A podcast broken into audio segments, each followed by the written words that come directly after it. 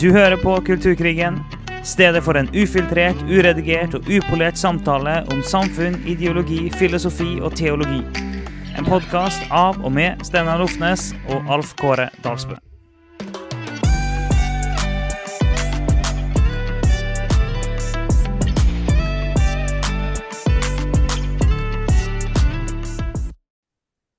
Da gjør vi det så enkelt som det, og vi hopper jo bare inn i det. Eh, Vi må finne en annen måte å si det på, for det sier vi alltid når vi starter vår podkast, at vi hopper inn i det. Så nå sa jeg det igjen. Men vi er iallfall klar for eh, et, eh, en ny episode. Og i forrige episode så hadde vi jo Truls Mehus eh, Olufsen inne. Det var en utrolig god episode.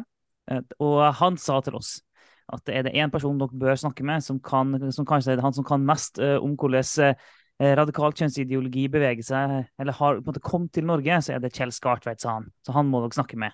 Så derfor sitter vi her og skal snakke med Kjell Skartveit. Hyggelig. Ja, så bra. Så hyggelig å ha deg på podkasten. har du lyst til å si litt hvem du er, eh, så vi får høre litt bakgrunn? Ja, navnet er Kjell Skartveit, som du sa. Eh, Jeg er lektor ved en videregående skole i Stavanger. eh, Aktiv i Frelsesarmeen. Og så eh, eh, var jeg tidligere med i KrF, og så nå er jeg med i partiet Konservativt. Eh, og så har jeg eh, vært opptatt av vel det som jeg har skrevet flere bøker om. Eh, og vært opptatt av, det er dette, hva som skjer det skjæringspunktet mellom teologi eh, og ideologi og historie. Eh, og så ble jeg veldig opptatt av altså Når, eh, når denne hva den siste seksuelle revolusjonen kom, eh, så var ikke jeg så opptatt av teologien. Eh, For meg så var teologien veldig klar. Jeg har aldri jeg å si, eller Jeg forstår hvordan det kan bli problematisert, men jeg forstår ikke hvordan de kan problematisere teologien uten at de da faktisk har akseptert det ideologiske grunnlaget til det.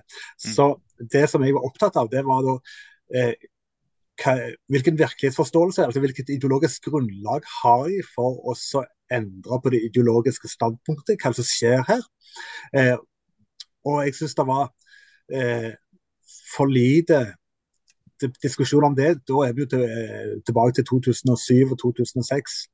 Eh, og jeg skrev en tekst da, om litt om det ideologiske grunnlaget for eh, den kjønnsnøytrale ekteskapsloven.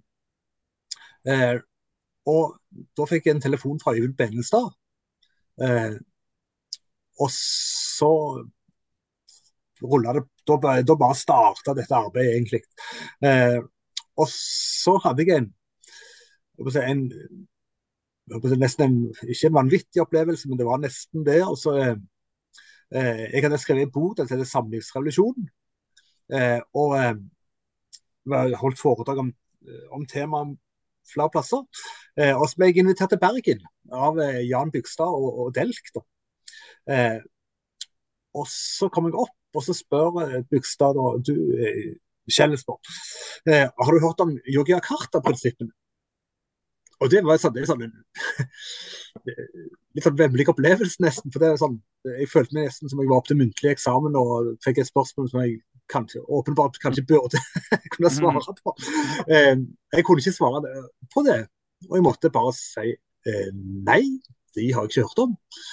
Og så sa han du, du skal kjøpe ei bok eh, til jeg setter Gabrielle Kubi, som heter The Global Sexual Revolution. Hun har skrevet om det. Eh, og så eh, gjorde jeg det, og så leste jeg, og så tenkte jeg at dette dette er det nærmeste jeg har vært konspirasjonsteori. Dette, var, dette er, det er for mye. altså Det er for far out. altså det er kanskje dette At det er en gruppe mennesker som har fått så stor makt det, det, til å definere både mennesker og alt Nei. Det var nesten for mye. Eh, og så, kort tid etter det, da, så, så leste jeg av en eller annen grunn, jeg vet ikke hvorfor. Eh, det er nesten som av og til tror at Vårherre Gud skal la det i hendene på meg. Altså. Mm. Men i alle fall, eh, så leste jeg gjennom en handlingsplan da, som regjeringen Stoltenberg hadde kommet med eh, ca. ti dager etter at loven om den kjønnsnøytrale ekteskapsloven ble vedtatt. Eh, altså loven om likekjønnet. Eh, og det var interessant, fordi at argumentasjonen fram mot at lov, den loven ble vedtatt, var, argumentasjonen var veldig konservativ. Det var at ekteskapet som institusjon skulle være positivt, eh, og at de homofile ble eh, invitert inn i stabile rammer, eh, og at det var ja, alt skulle være som det var før. Og så leser jeg da gjennom denne handlingsplanen som regjeringen kom med, om, eh, for homofile, lesbiske homofile transpersoner osv. Eh, og så siste side, nest siste avsnitt, så står det da at Norge for øvrig så bygger Norge sitt arbeid på dette feltet da, på Yogyakarta-prinsippene. Og da, da, kjenner du at du blir litt sånn kald og varm om hverandre. For da skjønner du at dette er så til de grader Altså, altså det er så ekstremt at det er Hvis du skal forklare det til folk, så tror nesten ikke folk forklarer det. Eh, mm. og, og, du skjønner jo òg at folk har blitt ført bak lyset. Eh, fordi dette har ikke blitt sagt. Og det de går ut på, det er det er da disse begrepene seksuell orientering, kjønnsidentitet og kjønnsuttrykk blir inn, inn, eh, brakt på banen. Og, og, det blir forklart altså Om mennesket eh, blir på en måte definert på nytt eh, Mennesket ikke lenger, har ikke en legning, det er ikke et kjønn lenger. Eh, menneske, altså Den seksuelle orienteringen den flyter. Og, og, og, og eh, kjønn er ikke gitt. Kategoriene oppheves. Eh, og det er da det vi kaller for skeiv teori, er noen som kaller det, i, praksis, i politisk praksis. Mm. Det som skjedde da, det var at det, altså, det var eh, lederen for Menneskerettighetsrådet i, FN Eh, hun eh, var opptatt av å få LHBTI-rettigheter. Altså at FN skulle involvere seg i eh, de homofiles kamp. Men hun fikk aldri FN med seg, for det var for mange konservative land. Så hun fikk da med seg en gruppe av aktivister til Indonesia. Yogyakarta er en by i Indonesia. Og der utmeisla de eh, nye menneskerettigheter. Der mennesket nå mm. ble definert på ny, og der menneskerettighetene ble dynamiske. Eh, og det, var, det, vil si altså at eh, mennesket var altså det vi kaller for postmodernismen. altså Menneskesannheten oppheves, eh, og eh, etikken oppheves. Eh, og eh, altså tradisjonell etikk. Og alt det som vi forstår med tradisjonell kristen forståelse av, av virkeligheten, la sjøl det sies. Og så kaller de dette for menneskerettigheter. Og Da trenger ikke FN vedta noe som helst, for dette her er menneskerettigheter som eh, eksperter har lagt, skrevet. Eh, og da kan de referere til noen ting. Så når eh, Bent Høie f.eks. I, i 2016, når de kom med loven om juridisk skjønn, fordi at de begynte å lete opp eh, Og i 2016 så sa Bent Høie bl.a. at dette at loven om juridisk skjønn det handler om grunnleggende menneskerettigheter. Alle vet at det står ingenting i menneskerettighetene av 1948 om dette. Mm. Eh, men det er disse prinsippene her, det er den nye måten å tenke på, den nye måten å forstå mennesker på, som da kom. Eh, og når jeg oppdaget det, så, eh, så tenkte jeg her må, jeg, må skrive, jeg må skrive en ny bok. Eh, og jeg eh, gikk igjennom lovgivningen i Norge for å finne ut hvordan dette da satte merke, både for å forstå prinsippene, og hvordan dette former. Og disse, denne, disse prinsippene da, har da forma alle altså lov, eh, lovgivning innenfor bioteknologi eh, og innenfor eh, dette med ekteskapslovgivning. Eh, altså både dette med eh, dette at enslige kan få kunstig befruktning eh, osv. Alt dette. Eh, og, og Eh, de kommer inn i norsk lovgivning først i 2013 med, eh, eh, med en lov om altså den diskrimineringslovgivningen som kom da, som sa at det var forbudt å diskriminere med, utgangspunkt i kjønnsidentitet og seksuell orientering. Og i den proposisjonen Jeg måtte lete i de ulike pro, proposisjonene. Du kan ikke google deg fram til de. der står det og at lovgivningen nå i Norge bygger på Yogyakarta-prinsippet. Mm.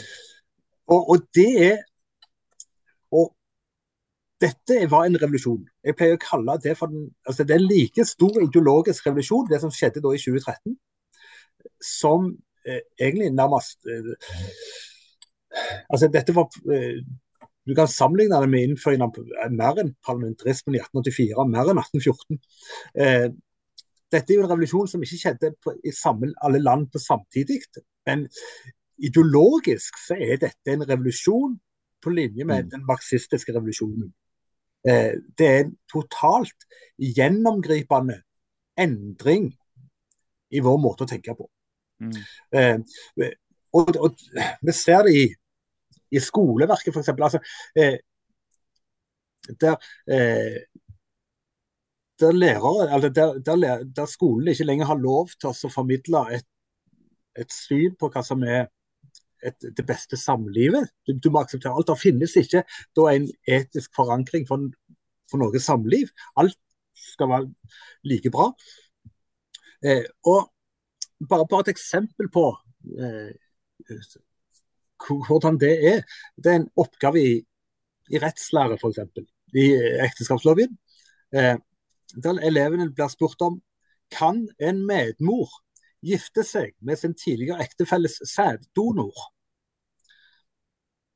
Eh, de fleste elevene får jo bare store øyne og sier hva er dette? Men, men, det er en oppgave som illustrerer veldig godt eh, virkeligheten eh, som vi skal forme oss i. For det, det er en, da en oppgave som både opphever legningen eh, og eh, opphever ja, all etikk og ja.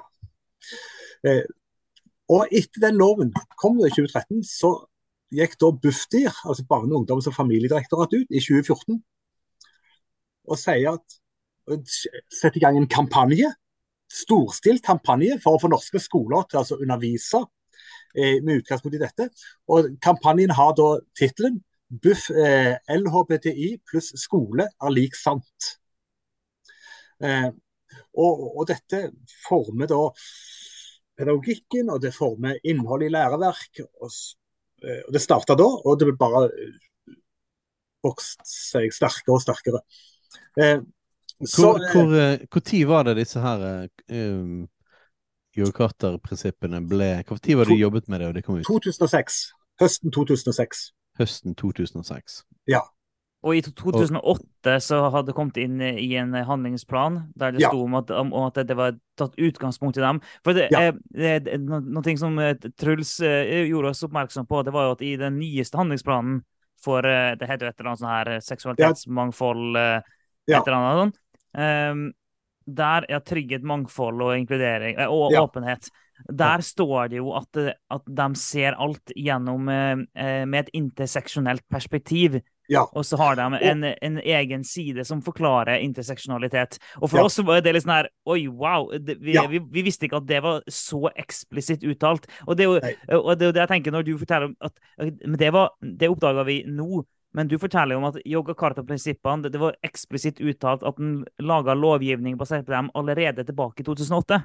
Ja, eh, og interseksjonalitet er på en måte akademisk jeg vil kalle det for en akademisk tilnærming til, til Yogyakarta-prinsippene. Ja. Eh, interseksualitet det er en eh, svensk eh, journalist og forfatter. Eh, han kaller det Nå står det eh, litt stille kan det hete, men han kaller det interseksualitet for postmoderne marxisme. Mm. og Det handler om altså, eh, Yogyakarta-prinsippene har som mål å oppheve all diskriminering. Mm. Og da sier interseksualitet Hvem er det som blir diskriminert? Mm. Altså Interseksualitet det handler om å se samfunnet som et, eh, som et altså, spindelvev eller et nettverk av relasjoner mellom mennesker, der det alltid er en sterk og en svak part. I, I, stedet for å ha en marxistisk tilnærming der du har kapital uh, og arbeider, altså kapitaleier og arbeider, så er det her eh, andre grupper som overtar. Men du har denne konflikten hele veien. Denne, dette maktforholdet, som de mener. Og mm. det er mellom eh, heterofil, homofil, det er mellom altså, kv menn, kvinner, eh, farger, eh, hvite mot farger. Eh, så den, den, som oppfyller flest av disse kategoriene, er jo da den som er Mm. mest undertrykt. Så det er hvis du er en sort, sort transseksuell kvinne, det er den mest undertrykte personen du kan tenke deg, da. Mm. Eh, Ja. og, ja. Men bare, bare sånn vi får uh, avklart det, for når vi snakker mye om yoga kartia-prinsippene. Hvis det på en måte går det an å, å definere litt kort hva er det for noe? Hva, er det han faktisk fronter? det er en, eh, det er en, opp, en ny forståelse av mennesket. Mm. og en ny forståelse av menneskerettigheter. Mm. Altså at menneskerettighetene blir dynamiske. Eh, bare et eksempel. Eh, forfatteren av Yogakarta-prinsippene mener da at, det at hvis jeg tvinger deg til å Hvis du sier at du er en dame, Mm. og jeg sier til deg nei, du er en mann, så er det da Hvis staten da sier til deg at nei, du er en mann, så er det et brudd på men, dine menneskerettigheter. For dette, du, de grunn, dine grunnleggende menneskerettigheter inkluderer det å definere deg sjøl. Grunnleggende postmodernistisk, egentlig, da. Ja, så det, det, det, er en, eh, det er helt riktig, det. det er en, og det er en gjennomført identitetspolitikk. Ja, ja. Ja. Og det er derfor du, du, du, du sa at det var, det var blitt kalt eh, Nei, det var, Post- var ja, Ja, postmoderne marxisme. ja, for vi, vi har ofte eh, kalt en del av de greiene her for, for eh, postmoderne ny marxisme, har vi ofte kalt det. Eh, ja, det, det blir litt smør på flesk. Ja. Ja. Så, så, så, men, men eh, ja. Eh, men de er ikke opptatt av disse, av denne kapital-arbeiderkonflikten lenger. Den er borte. Mm. Og Det hører du jo òg på både på SV og Rødt i dag. De er ikke opptatt av, Det er jo identitetspolitikk de er opptatt av. Ja, Absolutt. Men det er jo og sånn boka di som heter 'Normløst'. Eh, så for folk som har lytta til podkasten vår, vi, jo, eh, vi har snakka veldig mye om eh, Guds gode rammer for oss, og hvordan, hvordan radikal, radikal ideologi har revet ned rammene og normene. Ja. Sånn du har normkritikk, eksempel, som blir Ja. framheva som noe positivt, osv. Boka heter 'Normløst', og hvordan radikal, radikal kjønnsideologi har inntatt Norge, eller erobra Norge, eller inntatt Norge. Ja, ja. Um, og det, så det er jo veldig inni mye av det vi har snakka om. Uh, og, du, og du sa noe nå i stad om den, eh, den andre seksuelle revolusjonen. Og det er litt sånn, Ja. og du nevnte at det, var- det, var, det var som en revolusjon med de her uh, karta-prinsippene. Så Jeg, jeg antar det er det du mener da, når du sier den andre seksuelle revolusjonen. Ja. det Ja. som har kommet på tidlig 2000-tall. Ja, Og det som er viktig å forstå, det, dette bryter veldig med, med klassisk eh, homofili, homofil tenkning og, og, og, og kamp. da. Mm. Eh, og jeg glemmer aldri, altså jeg, når jeg skrev denne boken, så visste jeg at eh, at Kim Friele, aktivisten, homoaktivisten Mm. Kim Friele hadde uttalt seg om eh, denne postmodernistiske tenkningen. Eh, altså det vi kaller for skeiv teori, og som yogakarta-prinsippen da bygger på. Og hun mislikte dette veldig sterkt. Og I et intervju da med Klassekampen, avisen Klassekampen, så sier hun da i 2006 og det er akkurat i den brytningsperioden eh, for organisasjonen FRI, om de skal bli en skeiv organisasjon, eller om de skal ha den klassisk homofile Ja. tradisjonen. Mm. Og da sier hun at hun, hun omtaler da den skeive revolusjonen som et intellektuelt onani. Det er ganske Ja. sterke Ja. Og, men hun Jeg tror ikke hun klarte å stå imot, for hun gikk under prideflagget til slutt allikevel. Men det er veldig mange lesbiske og eh, homofile som er sterkt imot Mm. både pride og, eh, og, og skeiv teori, fordi at eh, Du spurte hva som kjenn- kjennetegner da eh, yogakarta-prinsippet i to år. så Hvis det skal være enda mer spesifikk, så handler det om at de opphever altså opphever all legning eh, og, all, og kategorien om kjønn og etikk. Mm. Altså, eh, og hvis noen da krever at du skal forholde deg til enten legning, kjønn eller etikk, så er det et brudd på menneskerettighetene. Ja. Eh, og eh, det er nå, det er derfor en, eh, lesbiske damer jeg vet ikke om dere har hørt om Tonje Jevjon, Mm. Ja. som nå er, er under etterforskning. Fordi at Mm. hun eh, hevder Altså, hun, hun krever at de kvinnene Uh, hun, altså, Hvis hun skal ha et forhold til en dame, så krever hun at den dama skal være et biologisk, en Mm. biologisk dame. Mm. uh, eh, og Det er jo det som er så interessant da, med denne revolusjonen fra 2013. Den opphever, altså med diskrimineringsloven og eh, å ta inn, når de tok inn Georgia Carter-prinsippet med diskrimineringsloven, da opphever du kjønnet, og da opphever legningen. Og da, da, da, kan, du- da kan ikke Dette er utrolig viktig å forstå. Du kan ikke drive kvinnekamp, Mm. for kvinnen finnes ikke. Mm. Du kan heller ikke drive homokamp, for homo, den homofile finnes heller ikke. Alle, altså, alle legninger blir flytende. Mm. Eh, og, og det er, jeg vet ikke om dere har sett, Det er en fantastisk dokumentar eh, som heter eh, som Matt Walsh i Daily Ja. Wire har. Jo, ja, har. What's, ja, What's a Woman. Den, Mm. den, burde blitt sendt, den burde blitt vist for si, alle norske pastorer og prester, you name it. altså. Vi Eh, viste den faktisk i Bergen. Vi hadde en sånn live-event. Så vi, da vi inviterte folk, så da viste vi den faktisk i Bergen. Fantastisk. Mm. Ja. og Hvis du kan gjøre det sammen med undervisning om hva dette dreier seg om, og i tillegg vise at dette er en realitet i Norge. Altså, Mm. En mann i Norge i dag, pga. det som skjedde i 2013, så kan en mann gå inn på enhver kvinnegarderobe eh, og kle seg naken og skifte der. Han kan kreve å få være med i alle kvinneidretter. Eh, hvis de nekter, så, det, så kan han ta dem til retten. De, og de vil tape. Det er noen eh, idretter som bl.a. Bokseforbundet eh, og andre som har, som har et sånt klasser for transseksuelle, men, men de vil tape. Altså, eh, fordi at norsk lov har oppheva det biologiske kjønnet som en realitet. Ja, det... Ja, for, for når de sier det at denne den handlingsplanen eller det her eh, lovverket er da eh, utarbeida ut ifra yoga-karta-prinsippene, så ser vi i praksis det er utarbeidet ut fra radikal kjønnsideologi, der vi Ja. kjønnene. Det skjedde allerede altså for 15 år siden, så det må bare folk merke seg. at det her Ja. er, det er Allerede for 15 år siden så skjedde det. Og, og du sa det med at ok, så hvis noen sier da at nei, du er, fa- eh, sier til en mann som vil være kvinne, nei, du er faktisk mann, så bryter så bryter det med uh, Så yoga-karta-prinsippene sier at det bryter med menneskerettighetene. Ja. Uh, og det er jo det vi hører ofte sånn, å elske en menneskerett og en del sånne ting, som vi hører si ofte i, i, eh, i pride-bevegelsen. Men Ja. jeg tenkte på uh, Truls han sa til oss at, uh, at det, det jobbes aktivt for å uh, på en måte få yo- yoga-karta-prinsippene inn i FNs menneskerettigheter. Eller på en måte langt på vei få erstatta det på et vis, eller det var noe sånt han sa, da. Ja, jeg tror ikke Altså, det er for sterke altså, land i Afrika og den muslimske verden eh, aksepterer ikke det. Og de trenger heller eh, ikke som et tillegg, var vel egentlig helt Ja, sånn spesifikt. han når jeg tenker meg om at jeg jobber for å Ja. få det som et tillegg til menneskerettighetene. Ja. Men det gjør de allerede. Og, og dette er, er veldig interessant.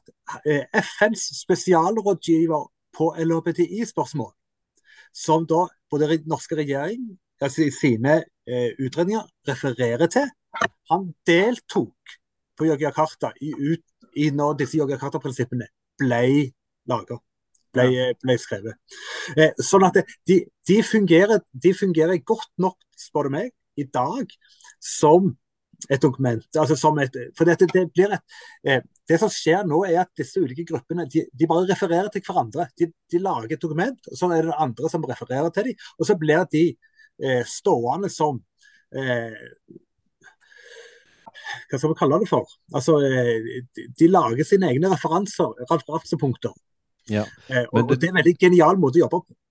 Så det betyr at eh, per nå så er ikke de liksom offisielle FNs menneskerettigheter, men det fungerer vel litt sånn som sant, For Norge var, var en av de som har ratifisert disse her og sagt at dette går vi for. Um, og da fungerer det kanskje liksom når noen Når noen erklærer seg som en ny stat, eh, så er det litt sånn basert på om folk anerkjenner det eller ikke. sant? Og hvis nok, eh, nok, nok land anerkjenner det, så blir jo det i realiteten sånn for de, da. Eh, Ja, og så er det, det er litt sånn eh, det, det, det er sånn udokumenterbart. Altså, det er bare eh, Det er bare blitt sånn vi forstår mennesket.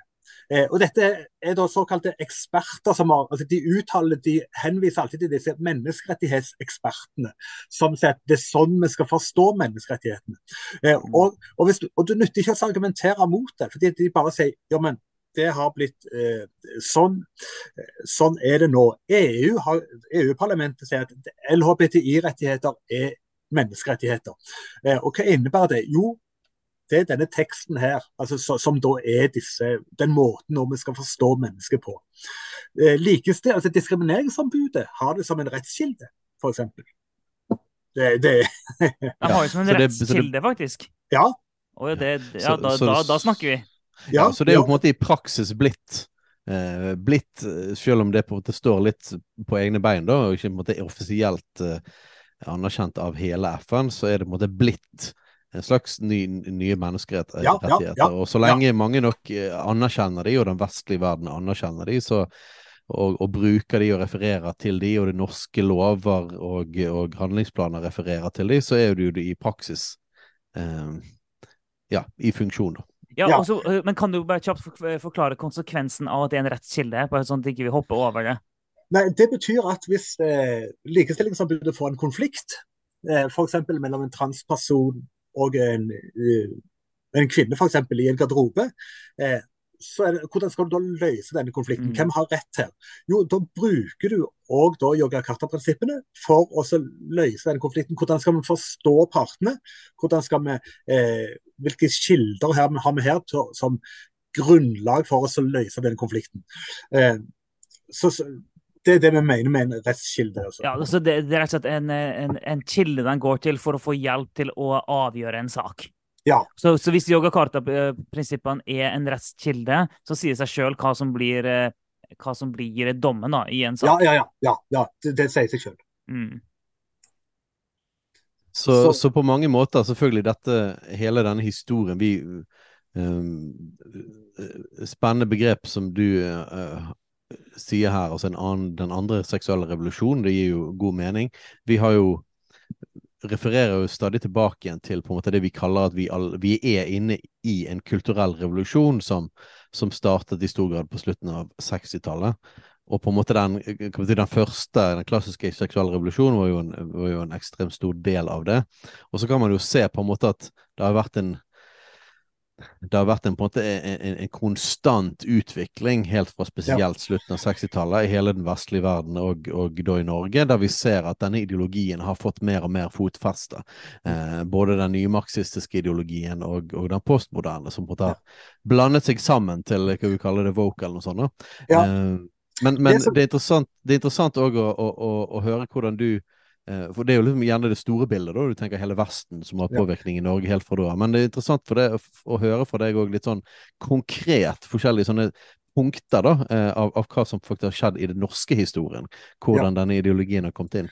Og Det som er interessant, det er jo da, spør du meg, det at denne nye tenkningen den spiser jo, håper jeg, revolusjonen spiser sine egne barn. Mm. Altså, ja, ja. Eh, og, og, forløperne her blir jo òg spist opp. Altså, eh, mm og, og de blir eh, trakassert og kasta ut. Så, eh, så til, til, forskjell da, fra den tidligere, fra tidligere, så krever denne revolusjonen at eh, altså, Den forrige 60-tallet den, den foregikk på, egen, sin egen banehalvdel, for å kalle det det. Eh, nå krever han fullstendig kontroll over alle spilleregler. Mm. Helt inn i hjemmet. Altså, eh, når diskrimineringsloven av 2017 ble vedtatt, så vedtok Stortinget at loven også skulle gjelde for familien. Mm. Så Det vil si altså at eh, hvis, hvis, du som far prøver å rettlede altså sønnen din mm. eh, om at f.eks. Eh, dere har jo vært, sikkert vært innom konverteringsterapi og forslag om konverteringsterapi.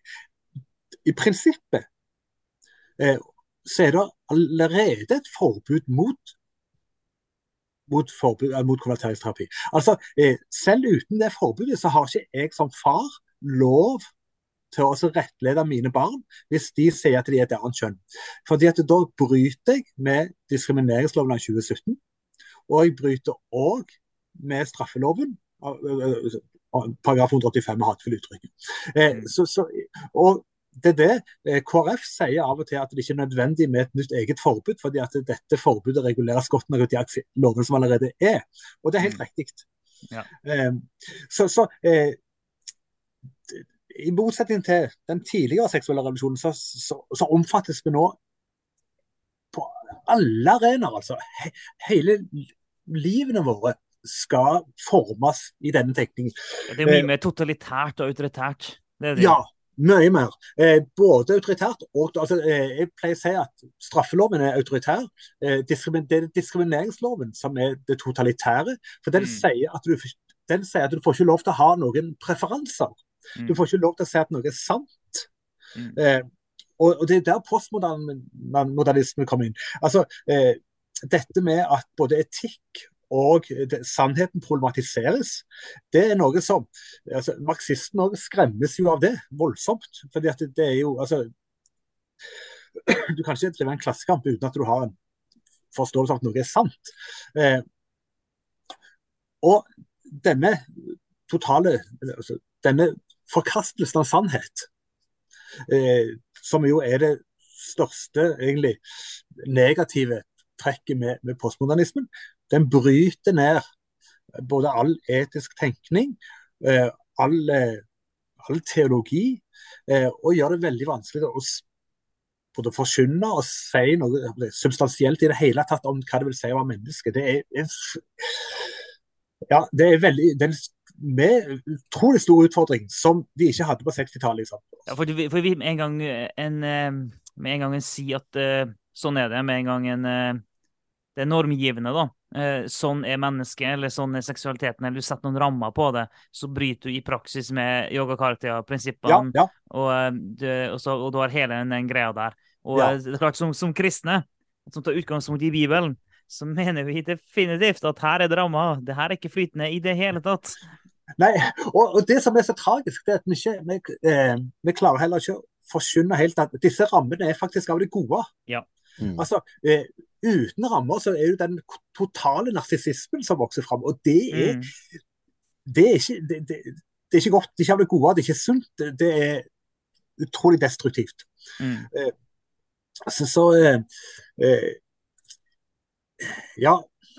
Ja, jeg syns at akkurat det er et kjerne et, et kjernepoeng, da, og som vi, som vi, har snakket om flere ganger, nettopp dette at vi må, vi må få troen igjen på at det faktisk det Bibelen sier er gode nyheter. Mm. Ja. Eh, og at rammer faktisk er godt, at rammer ja. ikke er det motsatte av kjærlighet. Eh, og at, at, at, vi er skapt med rammer. Og, og, ja. og, det er jo klart at ting som vi tok så selvfølgelig, som på en måte det første kapitlet i første Mosebok, ja. eh, er nå blitt så eh, kjerne, sånn, sånn kjerneskriftsted. Ja. At, at, uh, at, vi ble skapt i Guds bilde, og at han skapte oss til mann og kvinne. Ja. Eh, og ja, som sagt, det, vi tok det som en selvfølge før, men, men, men nå er det blitt eh, så viktig, for det, det måtte si noe om rammene Gud skapte helt fra starten av. At det var godt, og Gud sa det var godt. Ja, eh. og det, hvis jeg får, får lov, jeg, jeg, er helt enig. Jeg syns de første to sidene er helt fantastiske. Og det er ett ord ett ord som står på første sida i Bibelen, som er det mest magiske av alt. Eh, jeg vet ikke om du kan tenke deg hvilket ord jeg tenker på, men det er etter min oppfatning så eh, nå, er, nå, vil noen si at jeg er på dypt vann, men jeg vil påstå at hvis du forstår det ordet, dybden i det ordet, så mm. forstår du hele kristendommen. Oi, heftig. ja, det er heftig. Og det ordet er oss. Mm. mm. Eh, Gud sa 'la oss skape mennesket i vårt bilde'. Mm. Der introduseres jo treenigheten. Mm. Eh, og der introduseres fellesskap.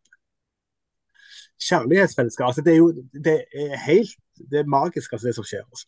Mm. Eh, og, og, og, igjen et fellesskap. Altså, dette er jo et, altså, et, eh, det er det hellige fellesskapet. Og det hellige fellesskapet, det, det er Selvfølgelig er det rammer. Sant? eh, fordi at det er eh, Da må du kan du sier ja til kjærligheten, så sier du nei til alt det som ikke er hellig. Eh, Gud er hellig. Altså, han kan ikke forandre seg. Han har altså Guds allmakt er en, annen, er en, annen, type allmakt enn den vi finner f.eks. i islam. For Gud kan ikke endre sin natur. Et annet ord som jeg er glad i i Bibelen, det er at når det står vår Gud kan ikke lyge. Mm. Mm, mm. Ja. Så, Ja, jeg tror, og, og det som er så fint med dette, og jeg tror dette, dette er så viktig at vi kristne uh, vekkes og våkner, ikke bare for den negative innflytelsen av ideologi, men, men at vi våkner opp i forhold til at vi virkelig har gode nyheter, og at vi Ja. har tro på det. For har, jeg tror at en del av grunnen til at vi har blitt, at holdt hodet nede, er at vi på en måte vi har, vi har på en måte visst hva som er rett, men vi har, eh, vi har ikke hatt lyst til å bare være reaksjonære, på en måte. Eh, og hele tiden på en måte bare være de som sier nei og sier noe negativt. Ja. Men så har nok det vært en liksom nesten skam over, over hva vi tror på, da. Eh, og, og, og en mangel på tro på at dette faktisk er bra. Eh, å være stolt over. Nei, vet du hva? Rett og galt og rammer, eh, det er av det gode. Og, og Ja. der kjenner jeg det at hvis vi skal ha, hvis vi skal ha virkelig ha et solid fundament å stå imot denne ideologien på, så må vi virkelig ha tro på at Gud er en god Gud, med god, Ja. og at rammer er godt. Eh, Ja. Og, og, og jeg pleier å kalle meg ofte en, en radikal konservativ. Mm. Altså, for det, det er jo et radikalt budskap vi kommer med. Eh, og, og noe av det viktigste da, er jo da det som påfølgende fra hvis du går tilbake til GTA, altså det er jo altså, det er syndefallet. Eh, og synd, altså, vi, ikke, vi må forstå konsekvenser av syndefallet. Eh, for hvis ikke, så klarer vi ikke å forstå altså, eh, det destruktive som skjer i vår tid. Eh, og eh, det ser du, altså du ser litt sånn eh, altså De som argumenterer for likekjønnet, altså det, det stabile homofile eh, samliv osv., så, videre, eh, så, så ser du at eh, Vel, jeg synes jeg kjenner ganske godt tydelig igjennom at de ikke er så veldig altså de, de har ofte en darwinistisk tilnærming eh, og liker ikke tanken på syndefall. Eh, og ja eh, de tror altså, at, at Gud har skapt og den eh, homofile følelsen, og at den ikke er et resultat. Altså, hvis jeg sier at den er et resultat av syndefallet, så, så møter du jo motbør eh, blant veldig mange som de, Den utfordringen har, er at veldig mange i dag eh, påstår at de er konservative, selv om de vil da f.eks. akseptere det stabile homofile samlivet, som de kaller det. Eh, det, er, det er en ideologisk utfordring. Eh, for dette, da eh, stjeler vi si, vokabularet, og eh, da må vi begynne å forklare dette på ny. og Det, det er vrient, altså. Ja, og det er jo sånn sett så ser jeg dette som egentlig en kamp om evangeliet. Sant? Og, Ja. Mm. og eh, skal, skal vi forkynne eh, hvis, hvis korset og, og eh, soningen av synd er gode nyheter, så er det på et bakteppe av syndefallet og dommen. Eh, og uten at du forstår synd, så gir heller ikke evangeliet noen mening. Eh, og det er jo det gode, gamle lutherske prinsippet om lov og evangelium. Mm. Eh, men men, men har, du ikke, har du ikke den har du ikke begge de to delene, så blir det ekstremt vanskelig for folk å snakke om synd. Eh, Fordi at eh, eh, Så det egentlig, egentlig går det inn i kjernen av hva evangeliet er for noen ting. Ja. Uh, og da kan man jo kalle seg så konservativ man bare vil, men, men uh, men, men eh, da viker man jo vekk fra klassisk kristen lære. Det er ikke skummelt å snakke om synd, så lenge vi òg snakker om korset og uh, Jesu døde oppstandelse. Nei, altså, eh, jeg pleier å si at er det noe vi skal være veldig glad for? Altså, eh, forkynnelse av synd og forkynnelse av dom og forkynnelse av altså, to utganger er jo et gledesbudskap, fordi det er jo et oppgjør med synd. Altså, Mm. opp, altså, hvem ønsker ikke et oppgjør med holocaust, Mm. f.eks.? Mm. Altså, det er jo det vi forkynner. Altså at dette er eh, noe som, vi skal ta et, eh, som Gud skal ta et oppgjør med. En rettferdig dom og en evighet uten synd. Det er jo, det, altså, det er jo helt fantastisk. eh, og hvis, vi, hvis du skal ha altså, Hvis du ikke tar det, så, så, så, eh, så er det ikke mye tilbake. Altså. Det er jo Ja, og det er jo litt sånn, Evangeliet er gode nyheter, men det er jo gode nyheter fordi det, fordi det finnes dårlige nyheter òg. Så det, jo, det, det, står, det står helt i en kontrast til ting. Ja. Ja. det er, og det er på samme sånn, vi er, vi er ikke bare frelst til noen ting, vi er frelst fra. Og Ja. det, det, er, det er en sånn grunnleggende forståelse av hva kristenlivet egentlig handler om. Ja. Eh, og og hvis, eh, hvis vi da går tilbake til den tiden vi lever i der eh, der, der, der det er følelsen eh, som altså din følelse av hva som er satt der, som skal, da skal være det, det, normative her, altså det som skal være utgangspunktet for hva som skal være rett, eh, så, så, så, har du ikke noe evangelium tilbake. altså da eh, Ja. Uh, men så herlig. Det, jeg liker når vi, når vi, krysser inn fra ideologien og historien inn i teologien og, ja. og, Guds ord. Uh, fordi at vi ønsker hele tiden at det skal skinne gjennom og på en måte være det som, det som vi prøver alle disse tingene på. Men det er òg spennende eh, å, å, fortsette litt på den tidslinjen da, av, av noen av disse kjernetidspunktene. Så Yogyakarta prinsippene, nå, som jeg husker rett her, eh, var det 2006 vi snakker at de Ja, da, da, da ble det i vinteren 2006-2007 så ble de eh, lagt fram for FN eh, ja. den, i 2007. Og så ble de altså allerede importert eh, av regjeringen Stoltenberg i 2008. Ja. Og så kommer de i lovs form i 2013 og så i tillegg 2016. Og da har de på en måte Etterpå til så er det bare eksplodert. Eh, inn i skoleverket, videre lovgivning eh, og videre i offentlige institusjoner, handlingsplaner, eh, bioteknologiloven, liberalisering. Alt sammen bygger på dette. Ja, eh, det, ja nei, nå, ja, vi, vi, får bare avbryte hverandre litt. Eh, jeg bare tenkte på Det at det, eh, det, er jo sånn at med en gang du kjøper noen prinsipp og da, Du kjøper noen premisser for hele måten du skal tenke på. Og det, ja. og, og det, det, veldig mange ikke gjør, er at de, de, de, drar ikke den logiske konklusjonen helt ut. Hva vil det her bety? Og så drar de det helt ut. Det er veldig få som egentlig gjør det. Men, men det er klart at hvis du kjøper yogakarta-prinsippene, og så begynner jeg å tenke men hva vil det her faktisk bety? For eh, det, Noen snakker om at uh, slippery slope det er ikke altså Skråplanseffekten den er ikke ekte. Det er jo bare tull. Altså, det er helt åpenbart at skråplanseffekten er reell. Og, og, det, er for, uh, og det, er for, at den har, enten ved at den bevisst har kjøpt noen premisser og vet hva det fører til, eller at den ubevisst har gjort det. Og så at den bare glir en nedover en vei en egentlig ikke hadde tenkt seg. Og det er klart at da, Hvis du kjøper premisset om at kjønn er flytende, du kjøper premisset om at ethvert menneske skal selv få lov til å definere eh, virkeligheten for seg sjøl, hvem en er, selv om det går på, går på tvers av biologi og alle andre ting. Hvis en kjøper det premisset, så påvirker det selvfølgelig absolutt alt. For vi snakker, ja. jo, vi snakker jo, om du har jo på en måte sagt det, men en revolusjon av menneskesynet. Et helt annet menneskesyn. Og et annet menneskesyn vil jo selvfølgelig påvirke alle deler av lovverket. Så det er ganske, så det, Sånn sett gir det egentlig veldig mening eh, når du kaller det den andre seksuelle revolusjonen. Ja, jeg, jeg, jeg mener òg det. Eh, for dette, en revolusjon det er jo en, en, veldig endring på relativt kort tid. Mm. Eh, og, og, dette skjer eh, på veldig kort tid. Og det, er, det som som er skremmende fascinerende, det er hvor fort veldig mange gikk i takt. Altså, det, det er Og eh, helt Altså eh, F.eks. ideen om at enslige kvinner skal få ha rett til kunstig befruktning på statens bekostning. Hva, hva, innebærer det? Jo, det innebærer at staten da sier at fedre er unødvendige. De sier at Stortinget, når Stortinget vedtok det, så sa de altså indirekte at det helt OK dersom alle barn vokser opp uten fedre.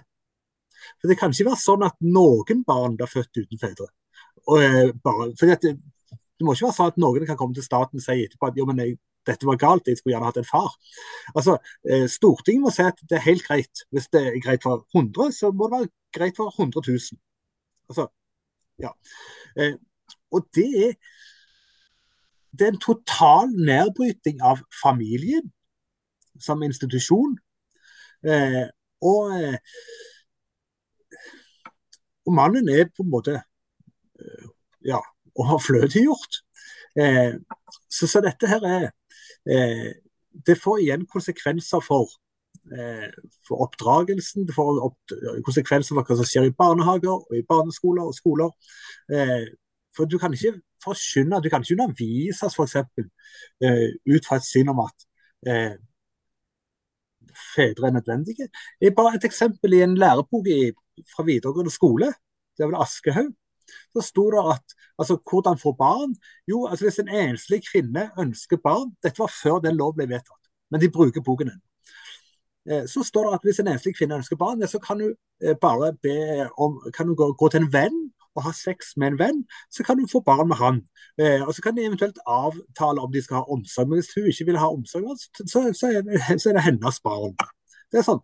Eh, og, og, så eh, Det er ikke bare at kjønnskategorien og legning og alt er opphevet, men òg etikken. Altså, alt som smaker av etikk, eh, oppheves. Eh, du kan ikke si lenger at noe er eh, riktig. Du kan, ikke, du kan ikke engang se at noe er mot naturens orden. For naturens orden òg opphever. Eh, og det, det, eh, det, er en veldig god episode fra, fra Sverige som viser hvor, hvor, ille dette er. Det er eh, en, en, en svensk lege, det het Haslov, eller Heslov, Heslov eh, som da foreleste på et eh, medisinsk fakultet på et universitet i, eh, i Sverige og eh, underviste om ulike, altså ulikheter i kjønn mellom kvinner og menn. Og så var det en student som klagde på dette. Eh, og så ble han kalt inn til styret, og fikk da vite Han sa at ja, men dette er jo grunnleggende vitenskap, og dette er sannhet jeg underviser i. Og får da bare kort beskjed all vitenskap er politikk. Eh, og, og, i det øyeblikket det går opp for deg hva dybden i den uttalelsen eh, så forstår du at da, er, da har vi oppheva eh, alt, altså alt som vi har tatt for gitt som gjelder eh, også vitenskap, altså sannhet. Eh, og da er det ikke for ingenting at de kan snakke om f.eks. Eh, avkolonisering av akademia, eller at eh, tradisjonell vitenskap blir eh, mistenkeliggjort fordi at den er hvit. De snakker om hvit vitenskap osv. Så, videre. mm. mm. Eh, så ja dette her er omfattende. Ja, det er veldig omfattende. Og jeg innser jo at når jeg hoppa inn i stad, så ødela jeg Steinars forsøk på å lage en tidslinje her. Så det Men sånn, eh, men sånn OK. Vi, vi, forstår det når, når du snakker om at yoga karata-prinsippene eh, 2006 har vært ekstremt definerende i Norge og mange andre plasser, selvfølgelig. Ja. Men, men vi, nå snakker vi mest om Norge, da. OK, 2008, handlingsplan, 2013 i lovs form, eh, noen nye ting i 2016 og 2017. Eh, er, det, er, det, andre ting som bør nevnes der, for å på en måte få en forståelse av denne tidslinja? Nei, ja, eh, Liberaliseringen av bioteknologiloven, eh, som kom mm. våren 2021, ja. Eh, er jo det samme. det. Mm. Eh, som, da, eh, som tillater eh, eggdonasjon og, og befruktning av eldste kvinner. Det er mange som mener at hvorfor ikke da legalisere surrogati? men surrogati er lov. Det, det, er underlig som mange politikere i norske partier slår seg på brystet og de skal liksom, Av og til så skal de være litt moralske. Så sier de nei, vi er imot surrogati. Men surrogati er lov. Eh, men du har ikke lov til å gjøre det med en dame i Norge. Eh, du må bare eh, gjøre det, avtale med en kvinne i Canada eller i Ukraina eller ja, Canada på USA. Eh, og det, surrogati er egentlig et annet ord for stebarnsadopsjon. Det som skjer, det er at du får en kvinne i Canada til å føde et barn, og så i det øyeblikket du tar barnet med hjem, så får partneren lov til å adoptere det. Det har vært oppe i Stortinget et par ganger. Eh, hvis jeg, altså jeg og kona mi skulle ha adoptert et barn, stebarn, altså, så tar det mange år. For det, det å adoptere, da kutter du over biologiske bånd som barnet har. Eh, så det tar normalt en fire-fem år for å vurdere om dette er en god løsning. Hvis et homofilt par henter et barn i Canada f.eks., så skjer dette i løpet av dager. Den prosessen. Stebarnsadopsjon for homofile det er gjort i løpet av dagen. Og Det har, det har eh, Stortinget vedtatt at sånn skal det være. Eh, og Det er veldig spesielt. Det er, det er Så det er lettere for et homofilt par å både adoptere og egentlig å få et barn enn en, For det tar jo litt, eh, litt lengre tid å få et barn rent biologisk, da. Ja. Så, så, det betyr jo det at den raskeste og letteste måten å få et barn på, i hermetegn, blir jo da egentlig for et homofilt par. Ja. Det er jo interessant. For Ja, da, har du det- ikke, da har du ikke bare eh, på en måte gjort det eh, likt i hermetegn. Da har man jo faktisk forskjellsbehandlet nesten andre veien. Ja, ja, ja. ja. Det, det sier noe om hvor langt det har gått, da. Ja, Eh, um, og det, er- det er interessant. Hvor, hvor Det har jo vært en skritt for skritt utvikling av denne ideologien i det, he- hele vestlige verden eh, og i Norge, og, og det er jo gjennom akademia postmodernismen har si, kom inn først, og så har det jo eh, sneket seg ut, flytt ut i mange deler av samfunnet etter hvert, og så på en måte får det jo mer og mer momentum, da. Ja. Um, og sånn som vi ser det, eh, så er dette allerede inne på en såpass grunnleggende måte at det er helt eh, logisk at det bare kommer til å ta nye skanser. Eh. For en del av på en måte postmodernismens hovedtrekk er jo dette å bryte ned rammer. Ja. Eh, Da, sånn, at, sånn at det fortsetter og fortsetter, på en måte. Det er ikke dette bare Ja. For man tenker ofte at ja, nå, nå er det nok, nå er det liksom gått langt nok, nå kommer det sikkert til å slutte. Men det finnes ingen logikk i det. Og, og, og hvis du ser på de siste årene, så har jo det egentlig akselerert heller. Altså konsekvensene har heller akselerert. Så det var jo en interessant ting, siden vi har snakket om tidslinje bak. Ja. Eh, hva, hva ser vi som naturlige neste skritt? Vi har snakket litt om hele Poli-saken, som, Ja. som jeg har sett begynner å dryppe inn i media. Litt sånn som jeg så trans-saken gjøre for noen år siden, før Ja. den liksom ble helt eh, nesten sånn etablert eh, kraftig. Så så jeg at det begynte å dryppe av trans-saken. Eh, og nå syns jeg å se det samme mønsteret, og at det drypper med hele Poli-saken. ja, Ja. jeg syns det har kommet mer enn bare drypp. Du ser det i Ja, ser ja, det er i- sant. Ja, eh, altså, da, Dagens Næringsliv for eksempel, har hatt flere reportasjer Aschehoug. Altså, jeg har et magasin fra Aschehoug fra 2017. Eh, ju, eh, hvis Jeg kunne hente det fra bokhyllen min nå, hvis dere vil det. Eh, så eh, ja, jeg skal bare gjøre Ja, det. bare gjør det, du. Ja, ja. Eh, og, og som du sier, det at uh, drypp er ugjerne gjerne forsiktig. Eh, det har allerede begynt å renne og piple, kanskje. Og så har det vært interessant å se hva, hva er det begynt å komme drypp av, og hva, hva muligens Ja, hva, hva, vi ser som kommer i framtiden. Men nå har du funnet det Ja. magasinet, ja. Ja, eh, Dette er Aske, eh, altså A-magasinet fra eh, 2017, julemagasinet. Eh, og Der skriver de ulike familier. Eh, og da er det eh, Da er det ei Se her er det Jeg har tre mammaer, er det eh, en som forteller. Eh, og det er eh, Og så er det flere En, en annen plass så var det eh, Skal vi se ja, det, var, det, var, det polyamorøse forhold som da blir eh, reklamert for og beskrevet som naturlige og gode. Eh, og, og dette skjer i, eh, i stadig større grad.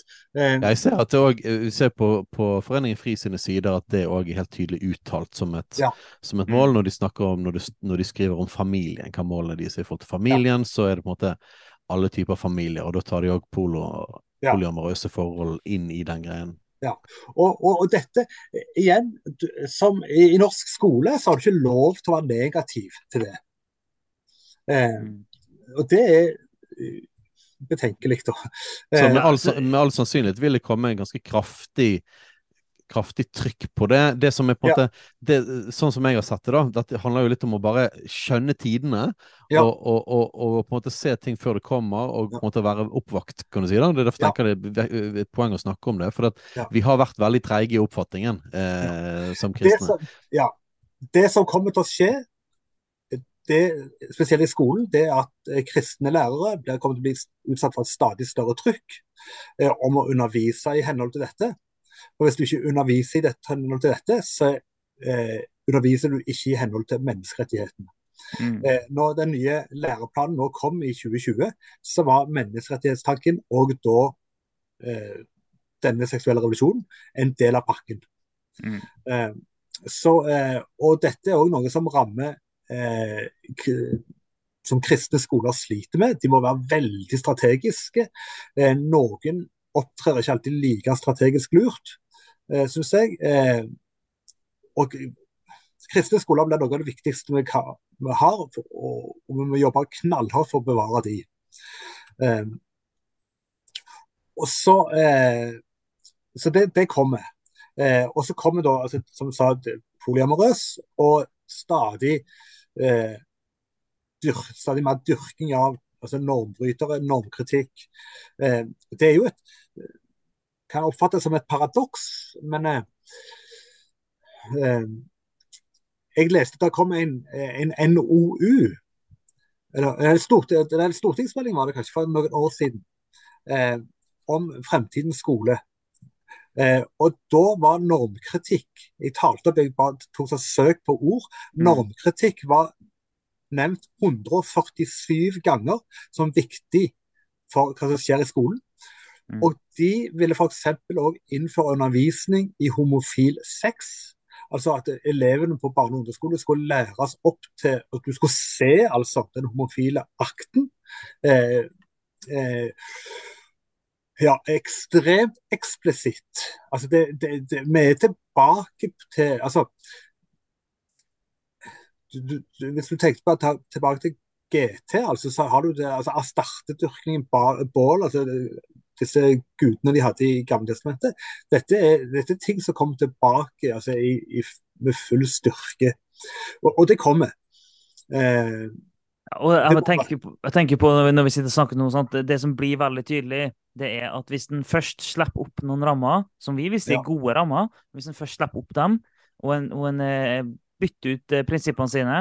Eh, hvis en gjør det, så har en ikke lenger eh, noen ting å holde tilbake med.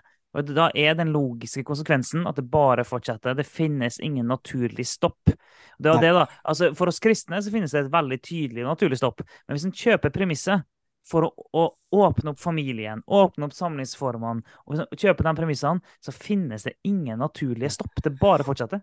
Ja, og Det som er ekstra ille her, da, det er at de som beholder, altså de som ønsker å beholde grensene, de blir da sett på som, eh, som de, de, ondskapsfulle. For ja. det, det, er normbryterne. Mørke menn. Ja, eh, og, og, det er eh, det er en situasjon vi kristne ikke har vært i før. Ikke, vi har ikke blitt sett på som onde, vi har blitt sett på som dumme. Men eh, eh ikke ondskapsfulle i den. Vi har aldri blitt stått, sett på som eh, noen vil kanskje si at du så det tidvis under en opplysningstid, men det var så lite at det hadde ikke noen betydning. Eh, men altså, at, vi, at, det er vi som hindrer den gode kjærligheten. Eh, det er, eh, og at vi og, da er farlige. altså det er Vi har aldri blitt anklaget som det før. altså Det er derfor jeg sier at de som mener at, vi, at vår tid ligner på antikken, det, de forstår ikke verken antikken eller vår egen samtid. altså. Jeg, jeg, jeg, tenker at for så lenge du har eh, man har lagt hele det marxistiske premisset om at det finnes en undertrykker og en undertrykt, ja. eh, og så det gjennom både nymarxisme og postmodernisme blir tatt ut i ikke bare da på en måte en si, kapitalist og arbeider, men, men, ut i alle mulige slags relasjoner. Eh, og så lenge på en måte man har, og dette har vi holdt på med nå i 50-60 år, med at på en måte hvis du blir definert som undertrykkeren, så er du ond. Ja. Eh, og, og, og, så lenge du får bli definert som undertrykt eller som et offer, sånn, så har du den moralske upper hand. Ja. Eh, og dette har vi holdt på med lenge, og, som gjør det at hvis ikke vi tør på en måte å på en måte bare omfavne og si det at dere kan si hva dere vil. eh, og Dere får kalle oss undertrykkere eller, eller hva som helst, men ja. vi tror på absolutte sannheter. Vi tror på rammer. Og, og om dere mener det er ondskapsfullt og undertrykkende, det, det, kan ikke vi på en måte forholde oss til. Eh, vi må stå på dette. Og hvis, jeg tror at kristne vil slite, og allerede har sliter, eh, når man på en måte ikke tør å omfavne eh, det å sette den grensen. Og det, og det, som da er viktig, det, i tillegg til at vi da har brakt inn dette, denne undertrykkelsesdimensjonen i, i nærmest det vi kan kalle en outrert form, eh, så har de med seg da et nytt begrep.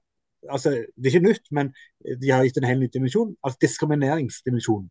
Eh, og der blir vi kristne tatt på senga fordi at vi er på en måte blitt opplært til å ikke diskriminere. Sant? Vel, den, den barmhjertige Mm. samaritan osv. Altså, eh, og så eh, For vi skal behandle alle likt. Og så blir vi da møtt med at ja, det er jo det vi må gjøre her òg. Og så blir vi plutselig tvungne Altså, eh, igjen, vi har glemt GT. Vi har glemt, og vi har glemt altså, eh, syndefallet. Vi har glemt at Gud faktisk diskriminerer. Eh, fordi at Gud sier at noe er sant, og noe er, galt. Eh, Ja, og jeg vil, jeg vil jo påstå at, at selvfølgelig når det gjelder GT eh, og, og loven, men, men man har jo egentlig ikke lest Jesus noe særlig heller. nei, det er det. Jesus, Jesus konfronterer synd, Jesus eh, eh, utfordrer til etterfølgelse. Eh, du, du kan ikke lese gjennom Det nye testamentet, verken personen Jesus eller brevene eh, eller apostelens gjerninger, uten å se kallet til omvendelse, kallet til etterfølgelse, tydelighet på synd. Eh, så, så det er klart at dette er så gjennomgående i, i hele Bibelen. Men, men jeg tror du har rett i det at, at, at at, at det, det, det, dette sniker seg inn fordi at vi Ja. ønsker å være godhjertet, og vi skal være Ja. godhjertet. Vi skal Ja. elske mennesker. Vi skal, vi, skal, vi skal kjempe for de svake. og Det, det, det er jo en kristen verdi. ja, eh, og så det- blir det på en måte det, vi blir lurt inn i, ja, inn i dette mønsteret. Ja, for de ordene som du sier det, det er jo akkurat de ordene som blir brukt. Og så sier du vi skal ikke diskriminere til slutt. Eh, og så, så, stå, så er det da mange som opplever at de da står sjakkmatt, for de, har ikke, de forstår ikke det de blir møtt med. Altså. De forstår ikke at det ligger noe bak her så, som, eh, som definerer disse begrepene på en helt ny måte. Altså. Mm. Ja, også ehm, dis Diskriminering, det betyr å gjøre forskjell. Ja. Så det, er jo, det er jo forskjellsbehandling. Altså, men så finnes det jo saklig og usaklig diskriminering. Det finnes jo. Og det er jo litt sånn eh, Så bare sånn ordet diskriminering i seg sjøl trenger vi ikke å være så redd for. Vi må forstå hva folk mener. Det har vi snakka mye i podkasten her, da, om at eh, i, eh, sånn i denne kulturkrigen, som vi kaller det, eh, så må vi forstå at eh, ordene som folk bruker, betyr ikke nødvendigvis det samme som det du tenker. Eh, Ja. og, og, kanskje, og, og vi har ofte da en mer det er klassisk tradisjonell forståelse av ordene, men så kan vi møte en del som har en helt annen forståelse av dem. Og, det, det kan være med diskriminering, og det kan være mye annet. Men jeg tenker sånn, OK eh, Når jeg var på jakt etter en ektefelle, så så jo jeg etter en kvinne. Så på den måten, så, så, så, så da diskriminerte jeg jo alle menn. Ja. Eh, så jeg var jo absolutt ikke interessert i en eneste mann uansett. Eh, så jeg diskriminerte jo eh, halvparten av Norges befolkning eh, i, i min søken etter kjærlighet. Og egentlig så diskriminerte jeg jo alle som jeg syntes var for unge, og alle som jeg syntes var for gamle. Så det er ganske mange etter hvert. Sånn det, det, det var, jeg gjorde forskjell på folk. Ja. Eh, Så det, det finnes en så sånn, Det er litt sånn hva vi legger i ordene, og hva vi mener, da. Så Ja. det, fin, det finnes en, en, en saklig, helt legitim forskjellsbehandling. Så det kommer helt an på hva det er for noe. Men, ja, men den, det saklighetsbegrepet det har jo da blitt stadig mer innsnevra. Sånn at eh, poenget da, for når Den norske kirke hadde da en undersøkelse om arbeidsvilkårene for, for homofile og, og skeive, eh, så var det der så kom det jo fram at for en skeiv så var det nok å ha en kollega som de visste var konservativ. Jeg synes bare det å være i samme rom kunne oppleves som en diskriminering, fordi at det var utrygt. Altså bare det å møte et, et argument, både noen som er uenige med deg, blir det da diskriminering. Eh, sånn at dette diskrimineringsbegrepet, det er jo ja, det har tatt helt det, diskrimineringsbegrepet brukes nå som et redskap i en kamp for en, en totalitær kamp om den fullstendige altså, likheten altså, i, i meninger. Og dette rammer ikke bare kristne. Dette rammer jo altså så- J.K. Rowling, som er et veldig godt eh, eksempel på en forfatter som våger å si at det bare finnes, altså biologiske kvinner finnes, og blir da totalt eh, personer noen grater, Så de vil ikke ha noe med henne å gjøre. Mm. Mm. Ja, hun er jo en turf, hun. Ja, Det, det er jeg, så, jeg så Jeg vet ikke om dere så det, men det, jeg så det nå for et eh, par dager siden. Så bare la seg litt på VG, og så ser jeg at det er en artikkel der om, eh, eh, om eh, tydeligvis det skal komme et nytt dataspill basert Ja, på, ja. eh, på Harry Potter. Ja. Og så var, var det eh, Og så var det på en måte spillanmelderen Men, ja. som var veldig i tvil om han skulle anmelde. Han, var, han hadde sånne kvaler med om han skulle anmelde der. Han, han, men han hadde jo de prinsippene sine at han måtte skille kunst og kunstneren. Så han ja. kjempa så voldsomt med det her. Så det var ty sånn, når du leser gjennom, så bare sånn, eh, får du opplevelsen av at wow, kunstneren, altså personen bak her, må jo være helt ekstremt problematisk. For ja. han hadde jo sånn voldsomme kvaler med om han skulle anmelde spillet eller ikke. Selv om hun ikke hadde noe med spillet, hun bare skapte universet. Men bare sånn Og så sitter du her, og så vet, og så vet vi da, eller jeg vet jo det, at det hun har gjort eh, Ja, hun har vært litt tydelig, da, men det hun har gjort, er egentlig å si ja. Eh, det finnes biologisk kjønn, det er bare kvinner som kan være kvinner. Det er det hun har sagt. Det er, det er, basically det eneste hun har sagt. Eh, det, jeg leste òg den uh, artikkelen. og det er sånn, og Jeg syns den blir veldig tydelig på at altså, denne bevegelsen er ekstremt opptatt av moral. Altså, mm. og det gjør at de blir altså, enda vanskeligere å argumentere mot enn klassisk marxisme. for her er det de opphøyer sin egen tro, da, sin egen, eh, sin egen idé om til noe som så både verdifullt og høyverdig at du ikke kan altså, De vil ikke snakke med deg engang dersom du gir uttrykk for uh, uenighet. altså. Uh, og det er jo en dimensjon som er ganske ny, da, sammenlignet med den, det som vi så på både 50- og 60-tallet før, før krigen òg. Altså. Ja. Det der syns jeg er interessant. Ja, bare hopp inn i Steinar.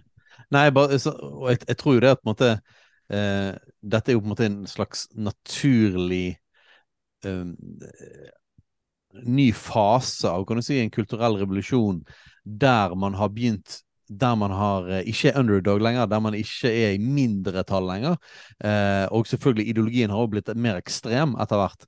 Eh, men det har òg noe med på en måte at du får nesten et eh, eh, sånn kritisk masse av innflytelse, ja. som gjør at fra at du kunne være Du var motkulturell. Det er klart På 60-tallet så var man jo motkulturell, og det konservative samfunnet og de konservative verdiene var jo sto jo veldig sterkt, og hadde jo stått sterkt utrolig lenge. Og man var på en måte bare en slags ung, opprørsk ungdomsgenerasjon som kjempet imot dette nesten litt sånn umulig store, da.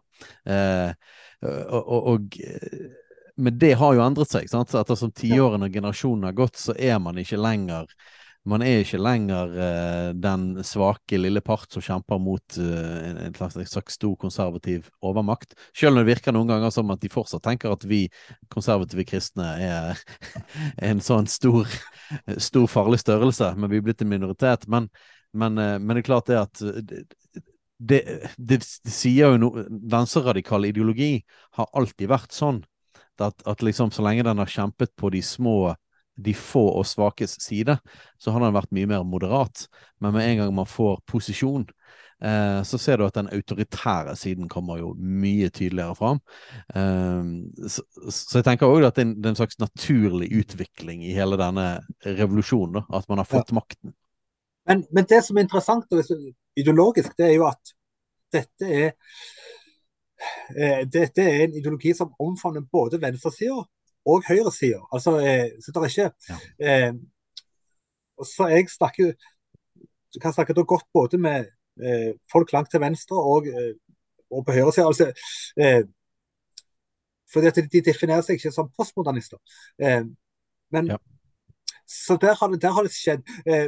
og jeg vil bare ja, Det er interessant. La oss snakke litt om ja. det der. Ja, eh, fordi at, altså, Jeg gikk på videregående skole på 80-tallet. Eh, og da eh, likte jeg å diskutere, og vi diskuterte eh, Jeg som kristen, og det var kommunister i klassen og sånn. Eh, og det gikk helt greit. Vi var venner, vi var, vi var uenige. Eh, ingen ville finne på å kalle hverandre altså eh, onde eller altså, noe, altså, mennesker som du ikke kunne ha en omgang med, altså nærmest som spedalske. Eh, det var helt eh, Det var ikke tanke om det engang. Eh, mens eh, det som kjennetegner denne revolusjonen her, da, det er at han er, som jeg sa, da, har en helt ny moralsk karakter enn den hadde den forrige. Altså, eh, Hvis vi går tilbake til marxismen i 1917, og så, eh, så, så, så, var ikke den Eh, den, den det, det, var jo si, amoralsk. Altså sånn, altså de, de, det var klassekampen som var moralen. Eh, ikke noe mer enn det. Eh, men her så har du fått en Altså, der fraværet av etikk blir etikk i seg sjøl. Altså, eh, og Mm. det er bare Bare det at de hører oss, da, er nok til at de ikke tåler altså, det, det, det Og du trenger ikke være kristen. Da. Det holder med at du bare peker på, som JK Rowling og andre. Altså, bare ett utsagn er nok til at du kan miste jobben. Altså, eh, eh, så Åge Hareide f.eks. etter, et EM, når EM var i Tyskland, og han sa, vågde å si at, eh, at disse stadionene ikke burde bli lyst opp i pride-farger. Så, så gikk jo hei, altså, Norge gikk jo bananas, og, og, og i dag så kryper han. Ja, han klarte så vidt å overleve. Eh,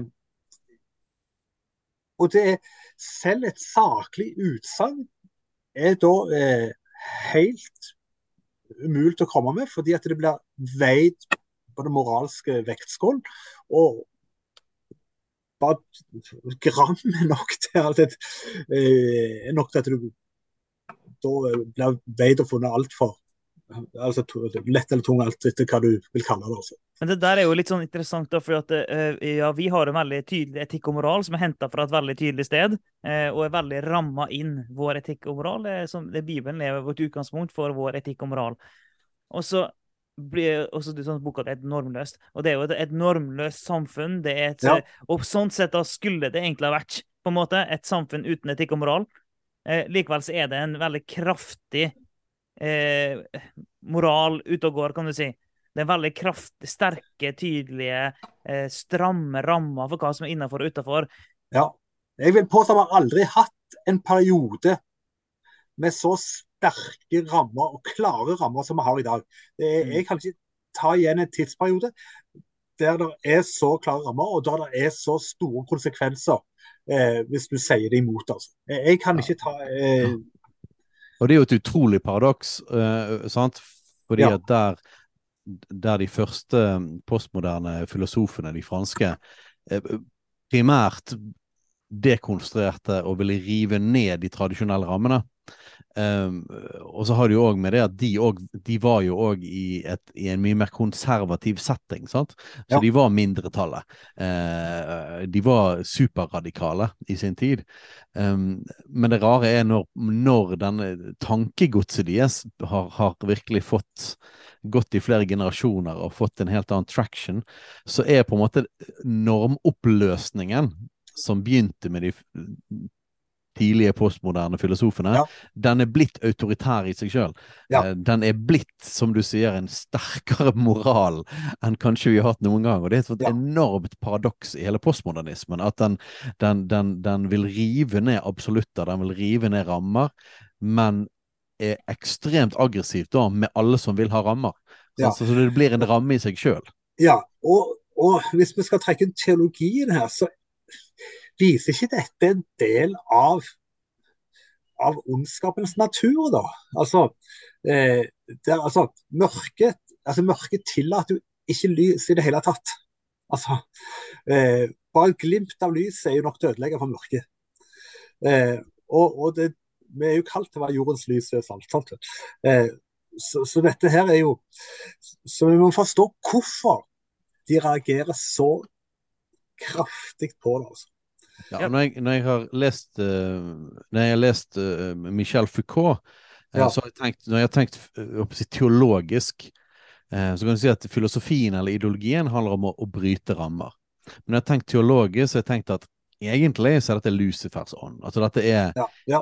Egentlig handler det ikke om fravær av rammer, egentlig. Det handler om opprør mot Guds rammer. Ja. Og det er ikke helt det samme. Altså, Nei. Nei, nei, nei, jeg er enig i det. man, man på en måte Han skriver som at det handler om å oppløse alle rammer. Men, men man, jeg tror at ånden i det handler Ja. om å gå imot Guds rammer. Ja. Og, og, da, og da, da gir aggresjonen mening Ja. vår tid. Ja. Fordi at, fordi at det man er sint på, er fortsatt det samme. Det er egentlig det samme ånd som var hele tiden, og det er et enormt sinne mot Guds rammer. Eh, og til og med om vi nå er blitt mindretall, så er det fortsatt det samme sinnet, eh, som blir autoritært og blir på en måte i seg sjøl. Eh, men, men for meg handler det om liksom, hva er ånden som egentlig ligger under denne filosofien. Eh, og, og da ser jeg det mer som et opprør mot Gud enn egentlig en filosofi om å løse opp alt Ja. sammen. Og, og det er ikke derfor, det er jo helt naturlig da at det altså, Han trenger ikke si Gud, han sier sannheten. Sant? Det, det, altså, sannheten er kulturelt betinget, eh, og da eh, Da kan vi ikke si at det er et noe, no, no fast tilbake. Altså. Hvis sannheten er Jesus, sant? Ja, ja. så er det egentlig et opprør mot, mot personen Jesus. Da. Eh, og, og det er nettopp eh, begrepet sannhet. altså Det er ikke for ingenting at det er, det er altså, et jødisk kristent fenomen.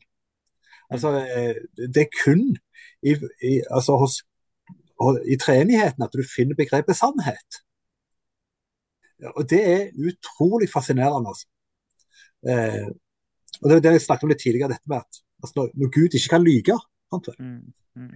eh, så, så hvorfor kan Ja, Ja, da, og, ja, og nå, det har vi snakka mye om, nå, men det er sant, i dag har vi min og din sannhet og sånn.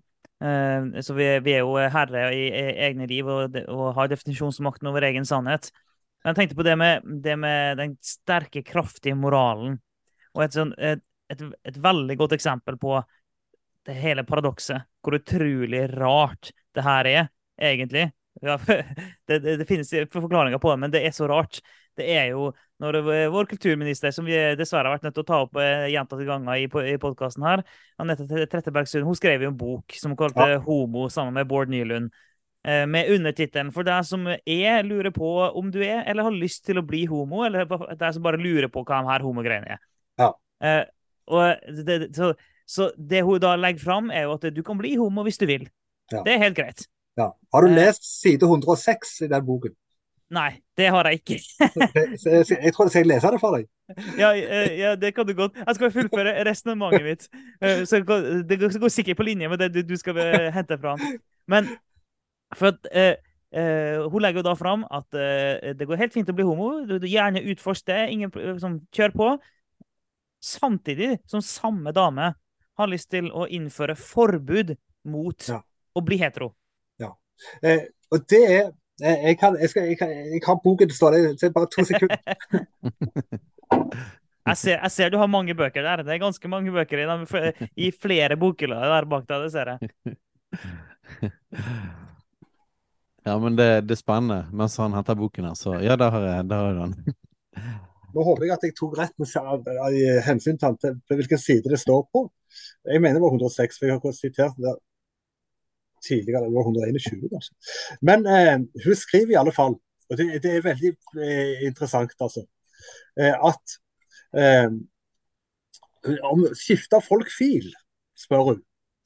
Eh, og da skriver hun at eh, det er helt naturlig å å skifte fil. Og eh, Skal vi se eh, Skal vi se eh, Hun skriver iallfall at eh, at det er naturlig å skifte fil, at noen skifter fil flere ganger i løpet av livet. Mm. Eh, ja, eh, det er jo interessant. Altså eh, Det er som å eh, være åpen. Eh, som, eh, jeg har forberedt meg vet du, på dette på forhånd, men eh, til, eh, Men vi har en podkast som vi, vi sier jo det at Ja. vår podkast er uredigert, ufiltrert og upolert, sier vi. eh, men, men altså eh, Hvorfor eh, dette den her? Spørsmålet er da hvorfor reagerer du på kristne? Jo, og det handler jo om altså, er det, det er jo Foucault opp, opp igjen dette her. Eh, fordi at de kristne sier at det er noe som er rett. Det er Mm. noe som er godt. Og det er noe som eh, Så eh, Anette Trettebergstuen syns det er helt greit å drive med konverteringsterapi i den forstand at du lærer noen til å skifte både kjønn og fil, og fram og tilbake. For det, det som egentlig finner sted i norsk skole, det er det eneste stort kurs i konverteringsterapi. altså Der du kan holde på med elske den du vil, og når du vil, og så ja, det skjønner du vil. Men du har ikke lov til å si i det øyeblikket du sier at jo, vi ønsker også at du skal si, skifte fil tilbake til heterofil, fordi Gud sier at det er det rette. I det øyeblikket du sier at det er noe rett, at det er et, eh, et normativt utgangspunkt, da reagerer du. Mm. Eh, ja, og, og det, det, der er interessant, altså. For det, for det, har noe med å se hva er det som ligger under dette her. Ja. Det er ikke alltid det det blir argumentert for som egentlig er greien. Så når du koker alt ned til noe, som for så vidt akkurat det vi snakket om med Foucault og postmodernismen, så er det egentlig et opprør mot Gud og Guds rammer. Det er ja. det, det er der du får reaksjon. Det er ikke ja. egentlig en konsekvent logisk nei, nei. Eh, på en måte sånn mot det eller for det eller ingen nei. rammer eller det. Egentlig så handler det bare om mot Guds rammer. Og så lenge det er mot Guds rammer, hvis det er Guds rammer, så er det no way. Og, og, og, og, da er det krise. Og det er veldig interessant at det ble bekreftet gjennom faktisk det hun sier, da. Ja, ja, ja. ja. Eh, så, så, så, det er Jeg husker eh, litt tidlig også var det, for det var en eh, avis Vårt Land som intervjua Da var det lederen i organisasjonen FRI. Og Hun var veldig klar faktisk på at, eh, at det kristne drev med, det, det å si at noe var riktig. Mm det var det som var altså, Det å si at noe er sunn, det tålte de ikke, altså. Mm. Ja, og det var òg en kjerne i eh, Jeg hørte talen hun eh, eh hun finske politikeren eh, Ja, Pavi Resnin. Ja, hadde ja. når hun var i, i, i Philadelphia og Vennesla, ja. på den konferansen der. og da jo, ble jo det en kjernesak i rettssaken. Ja. Var jo faktisk, som, som aktoren da eh, på en måte dundret på, så var det dette her med å si at noe er synd. Kan du si at noe er synd uten at det er i seg sjøl mot en person, eller det er hat i seg sjøl, eller det er diskriminerende i seg sjøl. Så en sånn kjernesak var rett og slett det. Liksom. Kan, du, kan, du, si at noe er synd? Ja. Uh, så går jo igjen da tilbake til kjernen av evangeliet. Altså det er jo det det kanskje e, egentlig faktisk er en kamp om, hele denne greia. Men det er jo et ja. voldsomt paradoks, da. At det, det, vi, får, eh, vi, får, en lovgivning som skal forby å si at noe er rett eller galt. Men det er jo akkurat det lovgivningen i seg sjøl gjør. Lovgivningen, ja. lovgivningen, i seg sjøl sier jo at det er noe som er rett og galt. Det er, bare ikke, ja. det, er bare akkurat vår definisjon av rett og galt som er det eneste som er lov. Og når, når du forstår det, så skjønner du hvor ekstremt totalitært det her ja. faktisk, faktisk, er. Det er helt vilt hvor totalitært det er. Og, og det er jo på samme måte som når folk sier at nei, det finnes ingen objektiv sannhet. Ja, men det er jo en objektiv sannhet ja. og si at det ikke finnes en objektiv sannhet. Så det er jo en motsigelse. Og det er akkurat ja. samme med denne lovgivninga òg, da. OK, ja. det, er, det, er ulovlig, altså det er ulovlig å si at noe er rett eller galt. Da har du sagt at noe er rett eller galt. Ja. Altså, loven i seg sjøl er ulovlig, på en måte. Altså, det er helt, det er helt ulogisk, hele greia. Ja, og hvis, og hvis, det var basert på logikk, eh, så, så, ja, det det så hadde det på en måte falt sammen. Nei, ja. uh, men, man, det... men, egentlig, hvis det, er det én ting som går gjennom alle disse forskjellige grenene i denne her revolusjonen, så er det på en måte hele tiden det er Guds rammer som er på en måte målet hele tiden. Det er eh, det som skal rives ned. Ja, og det, da, da, er vi til, meg tilbake til Thomas Aquinas. Altså, det, eh, hvis noe er fornuftig og noe er logisk, så, eh, så er det òg fra Gud. altså, Gud er fornuftens Gud, Gud er logikkens Gud. Eh, så det, det, er jo ikke for ingenting at det er det som angripes. Mm. Yep. Ja. Det det føltes nesten ut som at det var sånn det, det, var et sånn godt sted å lande. Det føltes nesten ut som ja, sånn, Logos.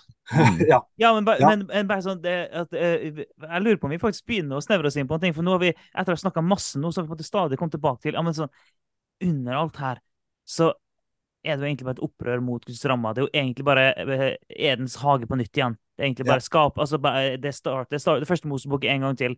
Det er, ja. det er sånn det har vært oppi hele historien. Men egentlig det er, altså, det er sånn uh, Intet nytt under himmelen, eller under solen. Det er, sånn, det, er, det samme som skjer igjen og igjen. Det er opprør mot, mot Guds gode rammer i bare ulike former, som vi ser. Ja, eh, og det er vi, Nå er vi blitt de samfunnene som Gud advarte israelsfolket mot når de vandra ut fra Egypt. Mm. Altså, Gud forteller jo israelsfolket hva de ikke skal gjøre. Og han sier det gjør nabofolkene. Nabofolkene de ofrer sine barn til Molok, og de driver med eh, seksuell eh, utsvevelse. Eh, Mm. og det skulle ikke jødefolket gjøre. Og det har definert vår kultur siden, og nå Mm. gjør gjør vi å slippe det. Mm. Yes. Så OK, ja, men jeg, jeg syns dette var en Vi har ikke sett på klokken, så, så men, men i hele runden av denne praten så syns vi har kommet, kommet ned til en god kjerne. Vi ønsker jo alltid å slutte i hva på en måte sier Guds ord om disse tingene, hva er en kristen respons i forhold til de tingene. Og, og jeg vil si at på en måte den liksom, teologiske analysen, eh, den er det viktig at vi forstår. Den ligger under alt sammen. Forståelse Ja, ja. av ideologiene, hva som har skjedd i historien, det er viktig. Det, det, det, det, det vekker oss opp, det gjør at vi kan lese bildet bedre. Eh, men, men det beste forsvaret eh, mot alle disse tingene er jo at vi, vi holder tydelig fast på disse her grunnleggende sannhetene av at Gud, Gud er sannhet. Objektiv sannhet finnes fordi han er sannhet. Eh, Guds rammer er gode. Eh, opprøret mot Guds rammer, det er syndefallet. Det er Lucifers ånd. Ja. Eh, men vi tror at Guds rammer er gode. Gud er god. Uh, og, og at det er brillene. Hvis du skal sa på en måte kristne briller, eh, bibelske briller, så er det på en måte det som egentlig ligger under her, og som of course har intet nytt under solen. Uh, disse ideologiene er en ny versjon eh, av det samme gamle opprøret mot Gud som har vært der Mm. hele tiden. Men det er så viktig at vi kristne forstår det, at vi ser det, at vi avslører det, og at vi ikke lar oss drive med av det, spesielt med de litt sånn sleipe ordene og strategiene som ofte spiller på våre litt sånn eh, Spiller på, på den kjærligheten og godheten som, som vi har, og som er en del av evangeliet. Eh, men, men, eh, men som rett og slett lurer oss noen ganger, da. eh, Inn i å se hva disse tingene faktisk er. Er det noe du, Kjell, har lyst til å si, og, og gjerne du, Alf, til slutten, bare med eh, hvordan vi kristne skal respondere på dette? Hvordan Hva Ja, viktige ting. Nei, det er også å være klar over at dette er ikke det Gud vil. Og vi, altså, eh, jeg pleier å si, se på stjernene. Eh, vi har universets skaper med oss. Eh, og at vi skal på en måte være trygge innenfor hans rammer. Altså, det, vi, vi er trygge hos Gud. Eh, og det er det viktigste, altså. Det er Ja. Guds vilje med oss er god. Mm. Ja, kjempebra. Jeg syns, jeg syns vi har landa fint i det. Vi, vi kan selvfølgelig brette ut mye alt det gode med Guds ramme en halvtime til, men jeg syns likevel vi, har, vi er på et bra sted i eh, denne episoden, i samtalen her nå. Et naturlig, et naturlig stoppested, et lite naturlig hvilepunkt. Før vi kan eh, For det, det, det her har vært en veldig spennende samtale. Eh, Så det, du skal ikke se vekk fra, Kjell, at vi eh, kanskje har lyst til å spørre om du har lyst til å fortsette samtalen på et eh, tidspunkt. Det kan, kan skje. Ja, det er jeg hjertelig glad Jeg er veldig glad for det. Ja, det, ja. det, det gode samtaler er jo helt fantastiske. Ja, det er jo det. Det, det, det hjelper oss å tenke. Ja. Så det er jo det, det, er jo det vi ønsker med podkasten. Vi ønsker å lære folk å tenke kristent. Ja. Mm. Nå ser jeg at PC-en min har snart ikke mer batteri igjen heller. Så dette Ja. Altså, det, det, det her er guddommelig timing, det. Nei, men eh, da sier vi det sånn. Eh, Det her var, det, var dagens episode. Vi takker deg, Kjell Skartveld, for at du eh, var med her. Og eh, vi bare nevner det igjen. Du har skrevet boka 'Normløst'. eh, Som er en veldig god gjennomgang av hvordan alt det her har kommet til Norge. Så den anbefaler vi folk å eh, kjøpe, lese. Ja. Um, så da sier vi det sånn. Enkelt og greit. Takk for at jeg fikk komme. Yes, tusen takk skal du ha. Ha det godt. Ha det bra.